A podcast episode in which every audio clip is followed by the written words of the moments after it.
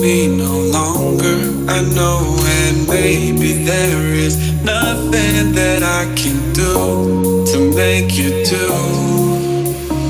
Mama tells me I shouldn't I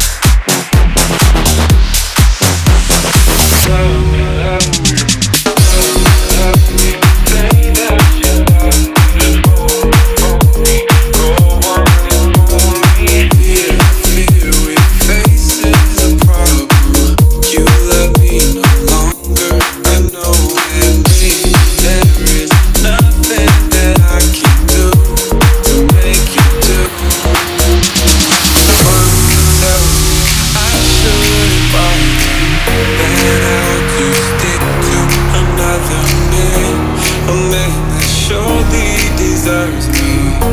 But I think